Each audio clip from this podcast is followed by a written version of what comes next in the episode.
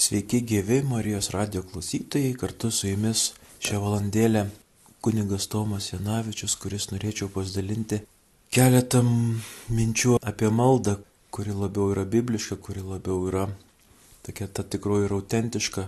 Autorius būtų Fernando Armelini, toksai italų biblistas. Ir aš pabandysiu pertikti jo vieną konferenciją, kurioje jisai pasakojo, kas nėra malda ir kas iš tikrųjų turėtų būti malda. Malda tai nėra ypatingai madinga tema šiom dienom, šiais laikais. Anksčiau atrodė, kad žmonės meldžiasi daug, o dabar pabandykim pasigilinti, na, at, kas tas yra žmonių maldos ir koks tas laikas galbūt maldoje čia yra skiriama, ar kas apskritai taip ir dalykas yra. Nes pasirodo nuo to, kaip tu meldiesi, priklauso, kaip tu ir gyveni. Melstis tai ir yra pamatas būti žmogumi. Mes nuolat girdime, kad melstis yra privaloma. Anksčiau žmonės tai meldėsi, buvo visi geresni, dabar meldžiasi mažai. Kimba tas privalėjimas melstis, nes kai girdžiu tą privalau mane automatiškai nupurto, nes Jėzus niekadagi nesakė, kad melstis privalote. Neretai Dievo ir žmogaus ryšys nusakomas kaip kažkokio tai pono teisėjo ir vergo. Mes tiesiog turim paklusti jam, klausyti, melstis, tada busim už tai apdovanoti, gal netgi dangumi. Neklausyti tuo tarpu to pono mums reiškia pragaras, bet tai irgi grinai nebibliška. Tokio dievogi vervaldžio nepamilsi, arba myli mane ir mane klausai, tartum sakytų Dievas, arba tau bus ne, ne kažką. Čia palyginimui kaip įsimylėliai. Jei vienas ar kitas spaustų prie sienos sakydami, arba tu daryk kaip mane, kad mylėtum, arba skirybos. Tai tiesiog neteisingai būtų suprastas ryšys ir Dievas nėra kažkoks vatakilas prievaizdas, arba kaip piktas tironas skaičiuojantis mūsų nuodėmes ar jas išperkančias mūsų maldų minutės už atlygį. Štai toks, sakyčiau, vienas būtų kliuvinys, kuris mums trukdo tam artumui ir tam tikram meldimuisi, kad melstis aš nu, neturiu iš baimės Dievui. Taip tikėtis, kad bus stebuklas, kad gausim Dievo malonės, išvengsim pragaro. Tokia malda yra rimtoje krizėje. Su tokia malda nepais.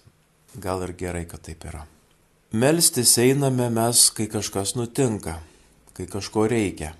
Ir bažnyčios dėja, bet pilnos yra tam tikrų reikalistų. Taip išeina, kad atseit melstis turi kunigai, vienuoliai, viskupai ir tie žmonėms, kuriems kažkas nutiko arba kažkoks reikalas yra. Toks maldos aspektas kažkaip irgi nelabai žavė, ar ne? Mūsų reikalų išsprendimas prasideda arba tiesiogiai, kai aš kreipiuosi Dievą, arba per kažkokį tai šventąjį. Yra mat šventieji tam tikrų dalykų specialistai nuėję savo gyvenimo keliu ir jie gali užtarti tam tikroje situacijoje esantį žmogelį, bet vėl ir čia yra šiek tiek krizės. Dar čia prasideda visokie relikvijos, rožančiai kabantis mašinose, kryžiai besipuikuojantis ant krūtinių, nelyginant kokie amuletai. Ir va čia bėda, jeigu maldą sudeda mes galvodami, kad tai jau yra malda, neturime stebėtis, kad melstis, kai kažkam papasakoji, kaip tu meldiesi, yra galų gali ir nuobodu ir tai nieko tiesiog neteikia. Kokią prasme turi maldos, kai neturim Pavyzdžiui, kaip paaiškinti kokiam žmogui arba vaikui, kodėl reikia melstis. Ką tau duoda malda? Ir atsakymas čia negali būti, kad melstis tiesiog reikia. Dar viena maldos problemas - tai manimas, kad, matai, Dievas nesusitvarko, jį reikia informuoti. Betgi jis jau viską žino. Kam aš dar turiu sakyti? Kam aš dar turiu jį informuoti? Jėzus man sako, Jūsų tėvas jau žino, ko jums reikia, dar jums net nepradėjus melstis. Kam dar priminti? Kokią prasme turi malda už kitą žmogų? Kokią prasme turi malda už mirusiuosius, už apleistas sielas? Kokia to prasme ir tam reikia vis pamastyti, vis įvertinti ir bandyti gilintis į tą. Pasakoja Fernandas, kad jo močiutė melsdavosi, pavyzdžiui, rožančių, po to kasdien už einamus reikalus, po to už savo mirusius, po to už sielą skaistykloje. Ir kai aš klausdavau, sako, kodėl aš turiu už juos melstis, jinai man taip juokais beveik ir papasakodavo, jei tu nesimelsi, tai jie visi ateis tau ir kutens naktį kojas. Ir po šiai dienai, sako, aš užmiegu su virpuliu, nes pusbrolis kažkada man tas kojas ir yra pakutenęs. Tai va ta tokia maldos praktika ir sunku čia kažkaip ir kritikuoti, sunku ją ir, ir kažkaip, na, apkabinti ar teisti netgi, meldžiuosi už kitą, bet jeigu Dievas jau žino, tai kam tada man melstis? Ar čia Dievas jau toks užmirštuolis, kad už tą žmogų reikia melstis, nes jis atseit pamiršo. Atrodo, kesinamės į Dievo valią, kad jis nepersigalvotų, na, tipo pasitaisytų. Gal jis nenorėjo ir nežinojo, bet štai kažkoks nors šventasis primena, pašnipžda jausi, maždaug tu Dieve nepamiršk va to esančio toje lygoje arba to mirusio. Ar ir šita malda šiek tiek nekelia klausimų, pripažinkim. Dar vienas dalykėlis. Žmogus juk beveik viską gali pats Na bent jau taip mes manom. Užtenka, sakom, save, savo gabumų, kam dar prašyti Dievo. Dievas iš kitos pusės ir davė gabumus, kad spręstumėm problemas, kam kvieti Dievo gydyti lygasgi mes patys viską galim. Ir tai, ko gero, tokio nuolankumo mokanti malda, kurį reikia irgi turbūt teisingai suprasti, kas tas nuolankumas. Gudresni sakom, nešalkim rankų, nešvaistykim savo laiko maldoms, einam ir darom, einam kažkaip tegul viskas būna naudinga, tegul viskas išeina per mūsų rankas, einam padėti vargšams ir taip toliau, nėra čia laiko melstis. Kai aš girdžiu va, tokius kartais pasiteisinimus, kad nėra laiko mums melstis, nes mes labai čia daug užsijėmė ir niekur nebespėjame, ir paprašai to žmogaus, pavyzdžiui, pavardinti, kas jau buvo nuveikta per dieną, tai wow, patikėkit, išgirsti įvairiausių banalybių geriau sakytų, kad nenoriu melstis, ar, ar nemoku, ar, ar, ar netikiu, o laiko tam visada rastumėm. Dievo šlovinimo malda. Ar Dievas reikalingas mūsų aplodismentų? Čia tai klausimas.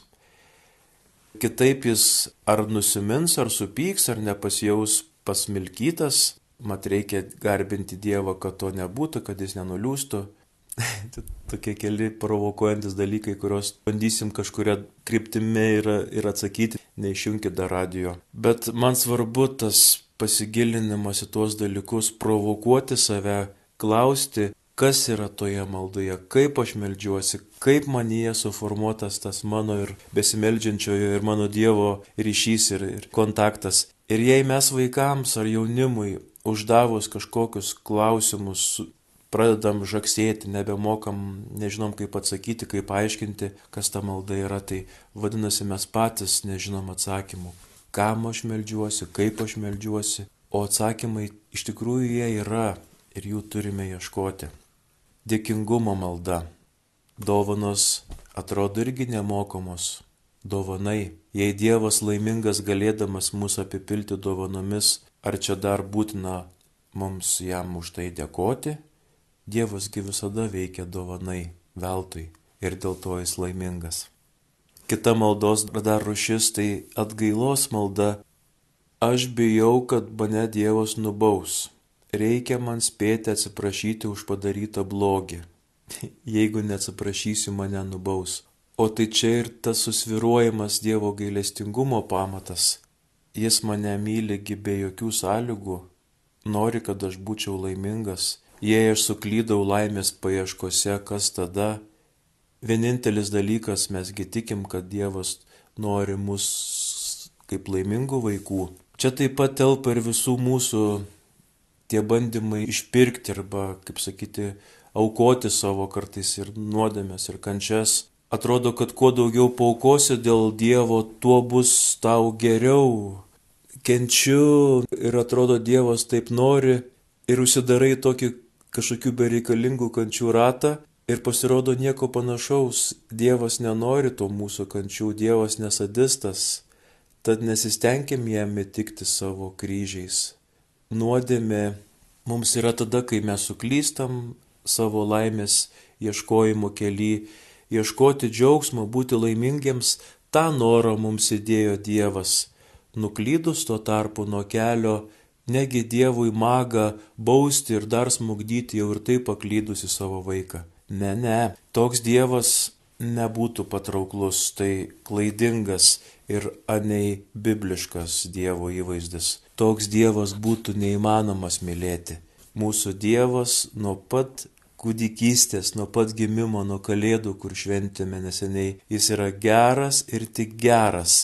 Ir jo požymiai nesikeis, jo charakteris nebus kitoks. Dievas viską daro, kad aš suprasčiau, kur yra geras kelias, o suklydus tikrai jis nelasda mums grumoja. Geriau sakykim, viešpatė apšviesk mane, nes aš kartais tiesiog nesugebu rasti laimės. Ir Dievas būtinai siūs pagalbon kažką suprasti mums, kas yra tas teisingas kelias. Visada rasti leis išeiti. Štai tokios kelios Tai ar tai kaip čia vardinti sunkienybės, ar kartais nesusivokimai, arba kažkokie neteisingi įsivaizdavimai, kas yra ta tikroji ir autentiška malda. O melstis tuo tarpu iš tikrųjų tai yra mokamasi. Kai močiutės sako kartais va savo anūkų sutvarkiau, išmokiau melstis, gal kartais greičiau būna, kad močiutės išmokė maldos teksto tik tais supažindino su katekizmu, bet žmogaus dar laukia ilgas kelias, kuriame reikės ir pavyzdžių, ir kantrybės, ir įdėto širdies, nes melstis nėra taip jau ir elementaru.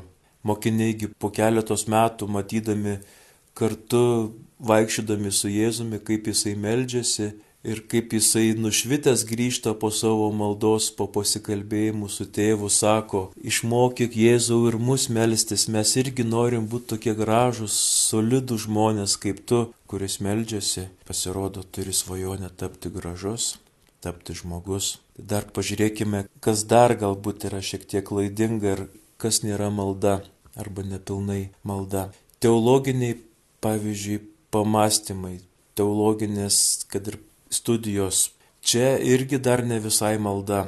Tai gali būti gražiausios studijos, gilios įžvalgos, teologiniai ginčiai. Ir to iš tikrųjų mums ypatingai reikia ir visus tiesiog kaip ir save vis skatinu, kad mums brangieji, kas norime save laikytis tikinčiaisiais krikščionėmis, mums tikrai reikia ir tos teologinių žinių, kad neliktumėm pirmoko lygyje. Bet taip pat tai reikia suprasti, kad tos teologinės žinios, jos, jos yra tik priengis į maldą, tai teologinės visokios ten refleksijos ar, ar dar kažkas, tai gali būti susijęs su Dievu, bet tai ne, gal dar negali būti pokalbis su juo. Kai studijuoji Bibliją, pats tas biblistas Fernandas, kurio čia dabar tekstą maždaug ir analizuojam, sako, aš gilinu žinias apie Dievą, bet tai nereiškia, kad aš melžiuosi, kad aš pasimeldžiau jau.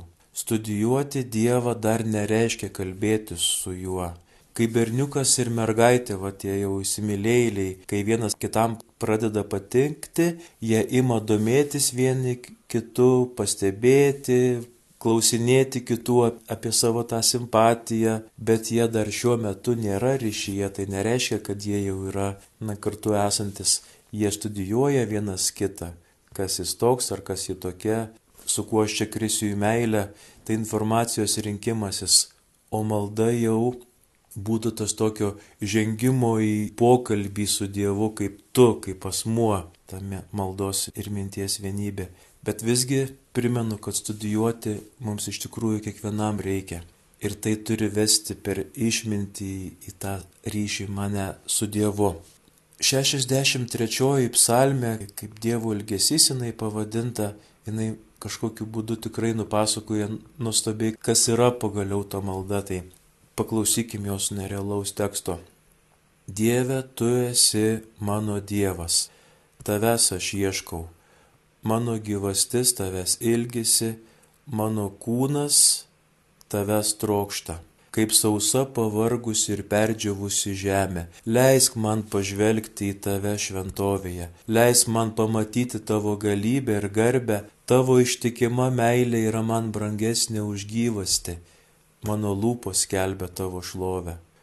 Šlovinsiu tave, kol gyvensiu, tiesiu rankas į tave, šauksiuosi tavo vardo, būsiu sotus kaip po turtingų vaišių, džiaugsmingai gėdosiu šlovės giesmės, gulėdamas guolyje tave menu, per keurą naktį mastau, kad tu esi mano pagalba ir tavo sparnų auksmėje krikštauju iš džiaugsmo, glaudžiuosi prie tavęs, tavo dešinė mane palaiko.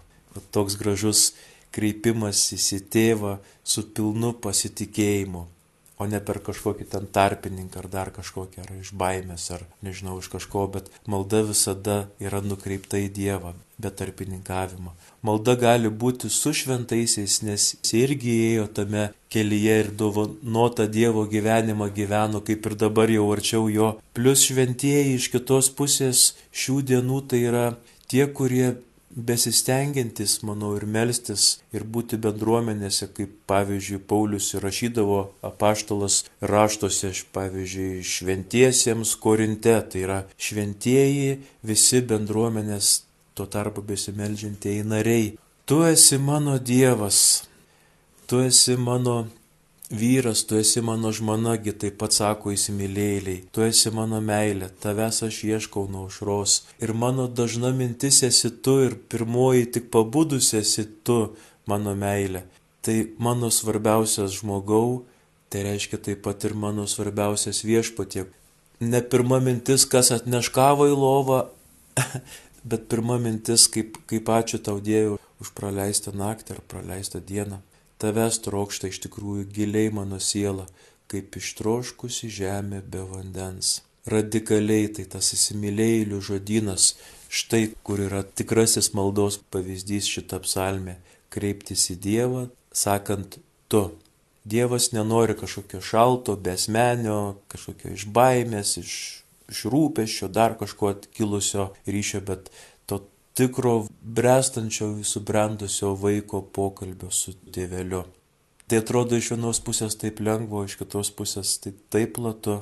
Ir kaip būtų nerealu, bet tokia didelė svajonė pasakyti, tik neatsimenu kažkurio čia šventojo frazę, kad man vien Dievo gana, kaip elnė ilgisi tekančio vandens, taip aš ilgiuosi tavęs Dieve. Visa gyvastimi trokštų Dievo, gyvojo Dievo, kada nueisiu pamatyti Dievo veido. Tai 42 psalmė. Žmogus trokšta Dievo tokį gražią metaforą nupasakojimą. O ar kada jums nekilo klausimas, pavyzdžiui, o ar Dievas trokšta žmogaus, ar jam jis yra svarbus? Žinoma, atsakymų šitoj vietoj pilna Biblija. Tu mano akims ypatingas, tave myliu. Nesako Dievas, kad jei būsi geras, tave mylėsiu, jis tiesiog myli be jokių sąlygų. Pametęs galvą dėl žmonijos yra mūsų Dievas, kaip įsimylėjusi pora siekia kitam meilės, taip ir Dievas, sakydamas, nors kalnai imtų kilnotis ir kalvos virduliuoti, tačiau mano meilė niekada nuo tavęs nepasitrauks, mano į ramybę sandoro nesusviruos. Štai kaip sako viešpats. Jeremijas dar mums primena toje bejonėje. Štai tave pamilau meilę ir tau liksiu ištikimas per amžius. Tai vad mums atsakymai į tą galbūt klausimą, ar aš kažkam rūpiu, ta prasme, ar aš Dievui rūpiu. Sakėm, studijuoti dar nėra malda, tai yra priengis apie Dievą, domėtis, bet taip pat kažkuria prasme ir vien emocijos nėra malda. Kartais, pavyzdžiui, liturgijose būna gražu, net, net pagaugai eina, bet tai irgi gali būti negriniausia malda. Malda ir emocijos čia toks gana slidokas dalykas ir bijau čia kažką ir daug, tiesiog keletą minčių, kad visokios ten giesmės, procesijos, net pačios gražiausios liturgijos, jos gali būti labai ypatinga pakila ir Dievo patirtis, bet tuo pačiu ir tokia gali būti tuštybė ir taip prašauti pro šalį, kad jos pačios savaime netaptų tikslas savyje, o jos vestų į tą gilų ir gražų ir esminį ryšį su Dievu, nes gėdoti galima puikiai gražiausiai be Dievo ir, ir atlikti liturgijas gražiausias visiškai be Dievo.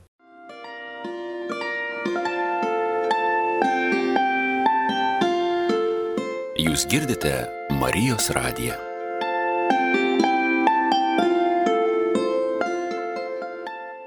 Taip pat yra tokios vadinamos technikos, kaip palaikyti koncentraciją maldose.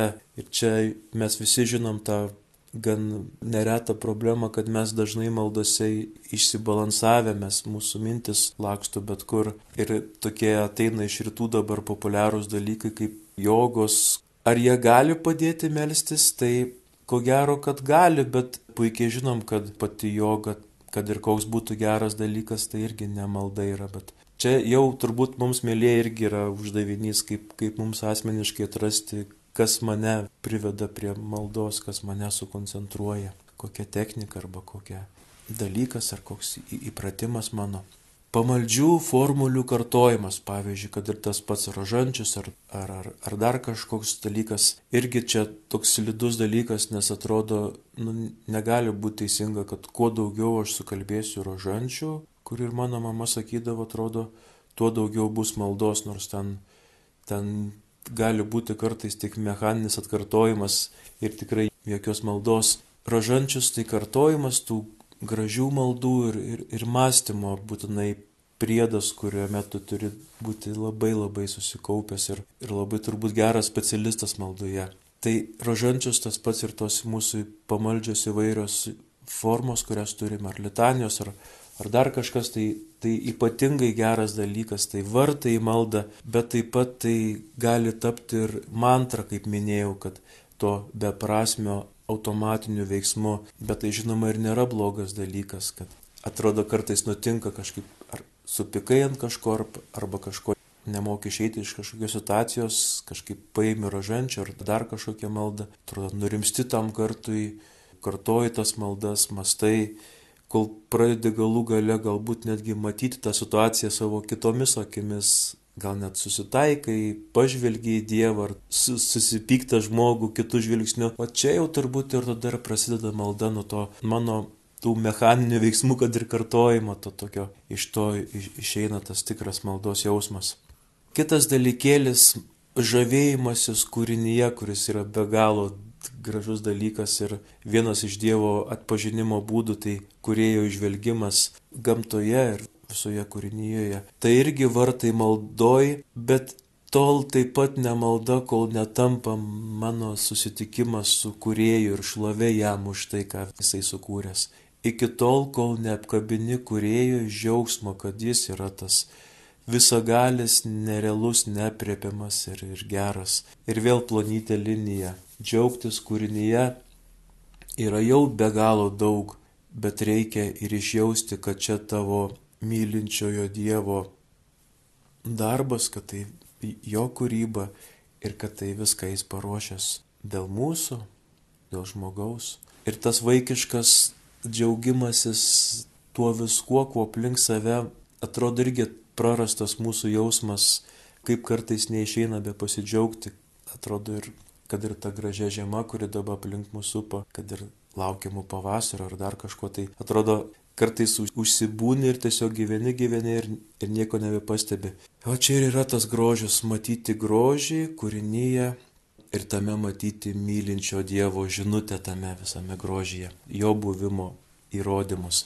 Dievas paruošė tikrai įstabų pasaulį, bet jo žinutė yra dar įstabesnė ir brangesnė negu tas pats materialumas, kurį matai aplink save ir kuriuo gali tiesiog dalintis. Čia kažkas panašaus kaip vestuvinis aukso žiedas, juk jo vertė yra ne tų kelių gramų aukso, kiek jisai sveria, bet tas pavyzdžiui, kad ir ypač po daugiau metų nugyventos santokos bendro gyvenimo santrauka telpa jame. Tai tas žiedas tampa brangesnis kodas arba visas tas sutalpinimas viso, kas, kas toje santokoje gražiausia. Taip ir toje Dievo kūryboje, manau, reiktų išvelgti, kas ten Dievo sudėta yra. Tuo pačiu ir kiekvienas sutiktas žmogus, jisgi mums irgi kažką palieka, kaž, kažkokį kažkokį ryšį mes su juo turim. Ir dažniausiai kartais mes net ne jokiais pasakom, vat, kažkam kokiam patikusiam, bet aš tavęs va bičiuli nepamiršiu. Ir keista, bet šitoje vietoje kažkaip prisiminiau apie laidotuvės.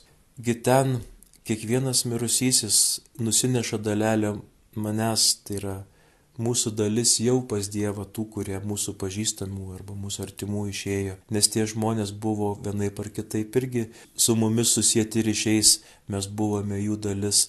Tai dalis manęs jau yra pas Dievą. Įdomu, kas ten gero manęs pas Dievo jau nukeliauta. Tai pagaliau, kas ta malda yra? Turbūt keliom mintim.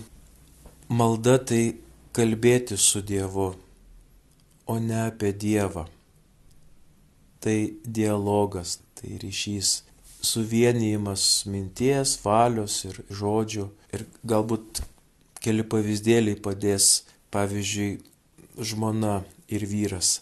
Kai žmona, kai, kai ką reikia kažką nuspręsti, kai pavyzdžiui vyro nėra namuose atlikti, ji ima telefoną ir skambina, kad pasitartų su savo mylimu žmogu. Nori išklausyti, kad atlikti sprendimai būtų abiejų labui teisingi, tai tas telefoninis ryšys, nes žmona pasitikė vyru ir žino, kad jis šeimai nori gero. Tai aš tikiu savo vyru. Taigi tas nuolatinis buvimas ant ryšio, tai tas telefono ryšys ir yra to palaikomo tarpusavio ryšio garantas, pasitikėjimo garantas. Yra labai svarbu va tokį Dievą man ir brandintis ir augintis mano ryšyje, kad jis toks yra toks įjungto telefono na, toksai sindromas, ar kaip čia vardinti, mano malda. Ar aš tikiu į mylinti Dievą, va, ar aš, kurio pasitarsiu, ar iš kitos pusės kaip tik galvoju, kad aš nežinau, kaip jis su manim pasielgs ir ką galvoja apie mane. Aš turiu įsisamoninti, kad jis man iš meilės tikrai duos geriausius ženklus ir geriausius patarimus, tik tais, o čia jau belieka mano pasitikėjimo reikalas. Kitas pavyzdys, pavyzdžiui, kokia nors pora palieka kitiems žmonėms vaiką ir aišku, dažniausiai jis duodasi, neklauso nepažįstamųjų, o mamos, kai tik jinai grįžta, sako, vaikeli, taip daryti negalima ir jis klauso, nes pažįsta savo tėvus, žino, kad jie iš meilės nori tai gero. Tai štai kas yra malda tas užaugintas arba beauginamas pasitikėjimo su Dievu jausmas. Tai Malda tai dialogas su juo ir klausimasis, tarimasis įvairiose situacijose, nes be to mano pasirinkimai gali būti nulemti visokių pasaulio klaidų, neišmastytų dalykų ir, ir, ir taip toliau žmogiškųjų faktorių. Pasaulio nuomonių mišrainę dažniausiai galim taip įvardinti. Ką žmonės kalba, ką jie patiria. Kartais jie sako, kam čia dar švaistyti laikas kažkokiam maldom gi patarimų pilna. Paskui matom, kokios būna pasiekmes, kai žvelgiame tik siaurai, kai nepasimeldžiam, kai, kai neleidžiam, kad Dievas mums taip pat kalbėtų ir būtų mūsų gyvenimuose. Žmona, kuri pažįsta savo vyrą, net fiziškai jam nesant šalia žino, ką jis galvoja, kaip jisai myli ir taip toliau. Plus mes turim ir tą Dievo žodį paliktą, šventą raštą, kurį kartais irgi netaip lengva suvokti, bet pareiga mums aišku vėl jį gilintis. Jis kalba Dievas tikrai kalba. Jei pažinti jį stengiuosi per Evangeliją, mes galų gale atrodo ir tą Dievo mintį, Dievo požiūrį labiau suprantam ir pažįstam. Taip pat yra dar vienas faktas, kad aš ir prašyti neturiu bet ko iš tikrųjų Dievo. Nes Dievas nepažadėjęs išspręsti mūsų visų gyvenimo problemų. Jis tik pažadėjęs padėti kartu gyventi mūsų tam nutinkančiam išgyvenamam momentui, pavyzdžiui, neišgydomos lygos atvejais ar kažkokios taigia mirtis. Nebūtinai čia turi būti įvykti išgydymas, gal svarbiau, kad pamatyti galbūt tos lygos prasme ar kažkokį suprasti savo gyvenimo, kartais gal klaidas ar dar kažką, ar gyvenimo trapumą galų gale. Tai ta šviesa visais atvejais kartais būna daugiau netgi negu tas norimas išgydymo stebuklas, tas tokio pločio pamatymas. Ta šviesa tai įprasti mylėti gyvenimą visose jos formose ir kiekviename amžiuje ir jaunas, sveikas žmogus, atletiškas, kartais atrodo daugiau turi šansų kuo džiaugtis, o senelis kartais jaučiasi nurašomas. Nors jis neturėtų senas žmogus jaustis mažiau mylimas ar vertingas, jis kaip tik jau yra subrendęs su gyvenimo patirtimi, daug patyręs ir metų laikose taip pat ne tik mums yra pavasariai mylimi, yra kas myli rudenį ir visas gyvenimas galų gale turėtų būti mylimas. Ir visose stadijose ir amžiuose mylėti gyvenimą. Jei meldiesi nuo širdžiai, va čia yra tos irgi maldos malonė, ateina ir prasmė, kad ir toj pačioj senatvėje. Kitaip čia kažkas būtų labai labai neteisinga, kas dėje dažnai ir būna, nes būna nurašomi įvairūs suluošinti, seni žmonės, mažiau grožio apdovanoti ar protų, kaip mes galim nurašyti, kokia tai būtų beprasmybė. Ir čia turbūt labiausiai reikia maldos, kad ir pats savęs nenurašytum, ko gero kažkokioje arba lygos situacijoje ar senatvės ir kito to pačiu žmogaus tenktumės matyti į žmogų kiekvienoje gyvenimo situacijai. Melsdamiesi, sako Jėzus, nedaugia žodžiaukite, kaip pagonis. Jėzus irgi meldėsi ne dėl, kad duotų mums pavyzdį, bet to pokalbio su Dievu jam pačiam reikėjo. Tai pokalbis su tėčiu, kuris nešė šviesą, kaip jam elgtis, ar bėgti nuo kančios, ar, ar priimti taurę. Kai melžiatės, sakė Jėzus, eikite kambarėlį, melstis tamsiausioje šventyklos vietoje. Tai tarsi išjungti tą tokį triukšmą, tą meldimąsi dėl kito, dėl kitų akių, tai kažkuria prasme ir dikumos patirtis, tos tylos mes iš tikrųjų ir to kartais vienatvės šiek tiek užsidarimo, pabuvimo su savimi mes bijom, nes ten lenda visokios mintis, abejonės ir čia Jėzus tikrai kviečia nebijok išeiti į tą tylą, į savo kambarėlį. Ir tavo tėvelis ten atlygins, o gal sakykim, perkeis tą, kuris meldžiasi. Jokio čia atlygio nereikia ir negali būti. Atlygis jau ir yra tas supanašėti su tuo, kuris tave myli, susijungti su Dievo širdimi. Kas pasimeldžia nuoširdžiai pasirodo, kas ieško tikrosios maldos, tas išeina gyventi jau kitoks. Tie, kurie nesimeldžia, jie nepakelia akių į dangų. Jų visas lobis čia žemėje.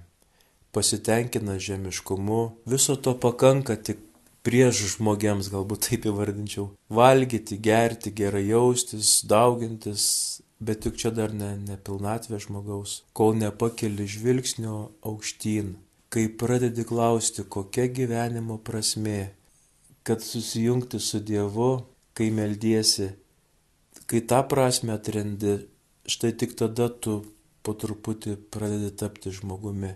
Va ir sakykime viena iš mūsų išvadų šiandien rimčiausių, kad žmogų žmogumi pilnai padaro malda, nesgi joks gyvūnas nesimeldžia Vienintelis gyvis, kuris gali pakelti galvą maldai, yra žmogus. Ar matėt kada, pavyzdžiui, asilą besimeldžianti? Pasirodo racionalus ir aukščiausios prabos žmogaus aktas ir yra susimastyti apie savo identitetą, turimus limitus, taip toliau. Ir ta malda iš tikrųjų žmogų išskiria iš kitų gyvių, Tik žmogus gali kelti klausimą, kodėl ir kam aš egzistuoju, kam tas mano trapus savotiškai gyvenimas. Mes bijome mąstyti, kartais paprasčiausiai yra nežinoti, nudelbti žvelgsnį žemyn ir ko žmonės labiausiai prašo, iš to ir pamatom, tai sveikatos, pasisekimo, dar kažko kartais pinigų. Ir ar čia net taip pat tas per daug siauras žvilgsnis, tas prisirišimas prie žemės, ar, ar tas iš tikrųjų žmogų patenkins. Melstis tai ne kažkoks pamaldžių sielų pasirinkimas, tai kiekvieno, sakyčiau, žmogaus kaip žmogaus kilninimo aktas, tai nėra užsidarimas savyje su savo savo skirtomis maldomis arba savo fantazijomis, tai atsiverimas tam kitam ir to pačiu žmogui ir bendruomeniai ir tuo pačiu supanašėjant su dangiškoju tėvu. Mums patarta Nuolat melskitės, laikykit, kaip sakėm, tą įjungtą telefoną pokalbiui su Dievu. Prašymo malda, kas tai yra? Prašymas tai nėra būdas pakeisti Dievo planus, tai arba, kaip sakėm, informuoti. Tai verčiau kartu su juo vertinimas mūsų gyvenimo problemų, sprendimas kartu, mūsų džiaugsmai, mūsų viltis. Kai melžiamės už sveikatą, na mes tikiu kartais, nu, negalim pakeisti Dievo plano, norim, kad jis mums padėtų suprasti galbūt labiau, kokia va tos lygos mano prasme yra. Ir vienas broliukas ten pasakojo iš vienuolyno, žinai, rytą aš turėsiu, sako, akių operaciją. jau kažkelintą kartą. Medikai sako, kad daug šansų, kad aš liksiu aklas. Ir jis prašo maldos. Bet sako, neprašau, kad viešpats padarytų stebuklą per medikus. Prašau maldos, kad, kad ir kaip be nutiktų, kad aš išeičiau paaugęs iš tos situacijos, o nesužlugdytas. O kad ir kas mano gyvenime be nutiktų, leisk man Dievę tapti daugiau žmogumi, kad suprasčiau, kokia mano gyvenimo prasme ir turiu liudytą tikrą žmogų toje ar anoje mano ir kitoje gyvenimo situacijoje. Ir matome, kad iš tikrųjų malda netokia jau ir paprasta yra. Jei nori kuo daugiau būti subrendęs žmogus ir Dievo valios vykdytojas, turi iš tikrųjų daug, daug, daug stengtis, daug būti su juo, daug su Dievu tartis, daug pasitikėti. Ir malda užtarimo taip pat yra labai svarbi ir graži malda už, kad ir užmirusius mūsų brolius seseris, būtina ir išganinga melstis, rūpintis kitais. Kitu atveju aš labai būčiau egoistas. Arba už savo kaimyną prašau, kad jis pasikeistų. Galbūt, kad aš pats pasikeitęs užuot. Užtarimo malda reiškia, kad tu dairaisi aplinkui, domiesi, kad tau rūpi. Kai melžiamės bendruomenėje, mums rūpi visi nariai. Mes kai melžiuosi už, už kokius, pavyzdžiui, karo aukas ar lygų ar prievartos aukas, reiškia, kad man tas rūpi, tas skauda, kad ir dabartinė mūsų pandemijos situacija mums tas iš tikrųjų turi rūpėti, o, o kartais mes tik skaldomės vieni, vieni vakseriai, kiti antivakseriai. Meldžiantis mano širdis platėja, bet nedeleguoju Dievas spręsti visas tas problemas, nes, nes Dievas pasirodo veikia per savo to žmonės, per tos angelus, tarpininkus, o mes ir esame tie jo meilės darbų tarpininkai. Dievas nori, kad mums rūpėtų kiti, kad dalintumės viskuo džiaugsmais ir vargais. Ir taip auga tavo žmogaus širdis, Ir taip auga bendruomeninė širdis, kas meldžiasi, kas kreipia žvilgsnį į dangų, iš karto pamato, kad Dievo žvilgsnis realiai tai nukreipta žemyn į savo vaikus, į jų situacijas, į jų vargus, kas to nemato, tas paprasčiausiai dar nesupratęs Dievo žvilgsnio, tas iš tikrųjų dar nesimeldžia. O tas žvilgsnių kryptis ir tas susijungimas prie to reikiamo mūsų maldos, va žmogaus iš tikrųjų ten susitinka mano ir Dievo žvilgsnis be to žvilgsnio, be to pamatymo, į ką Dievas žvelgia, tai irgi nėra bendromeniška malda. Stenkime kartu su Dievu ir žvelgti į tą brolį, į sesę, pakliuvusią į bet kokią situaciją. Iš kitos pusės taip pat ir negalvokim, kad mes čia gelbėjom pasaulį. Mes tiesiog darom, ką galim šiandien ir dabar. Kitaip mes ir perdėksim galvodami, kokie mes prasti, kad neįsprendžiam pasaulio bėdų daryk atrodo, ką gali pagal savo galimybės ir tai jau bus daug.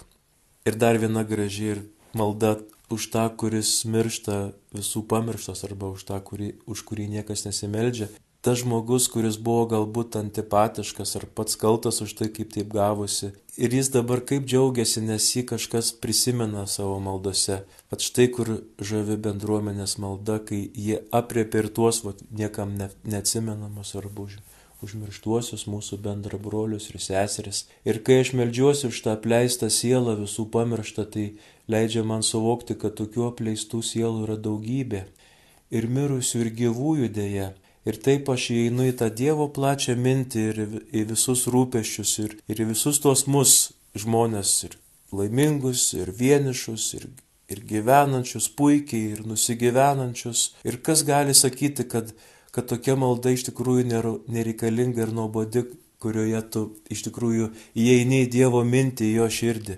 Sakyčiau, kad nereikalinga yra tik ta netikroji malda, o tikroji malda, kurios mums reikia siekti kaip oro, sakyčiau, jos ji mane daro tikrų žmogumi. Garbinkim Dievo maldą, suprasdami, kad viskas mums dovana. Ir būtų mažų mažiausiai apsileidimas nepastebėti to, ką Dievas iš meilės sukūrė mums, ypač žmogų šalia sukurta.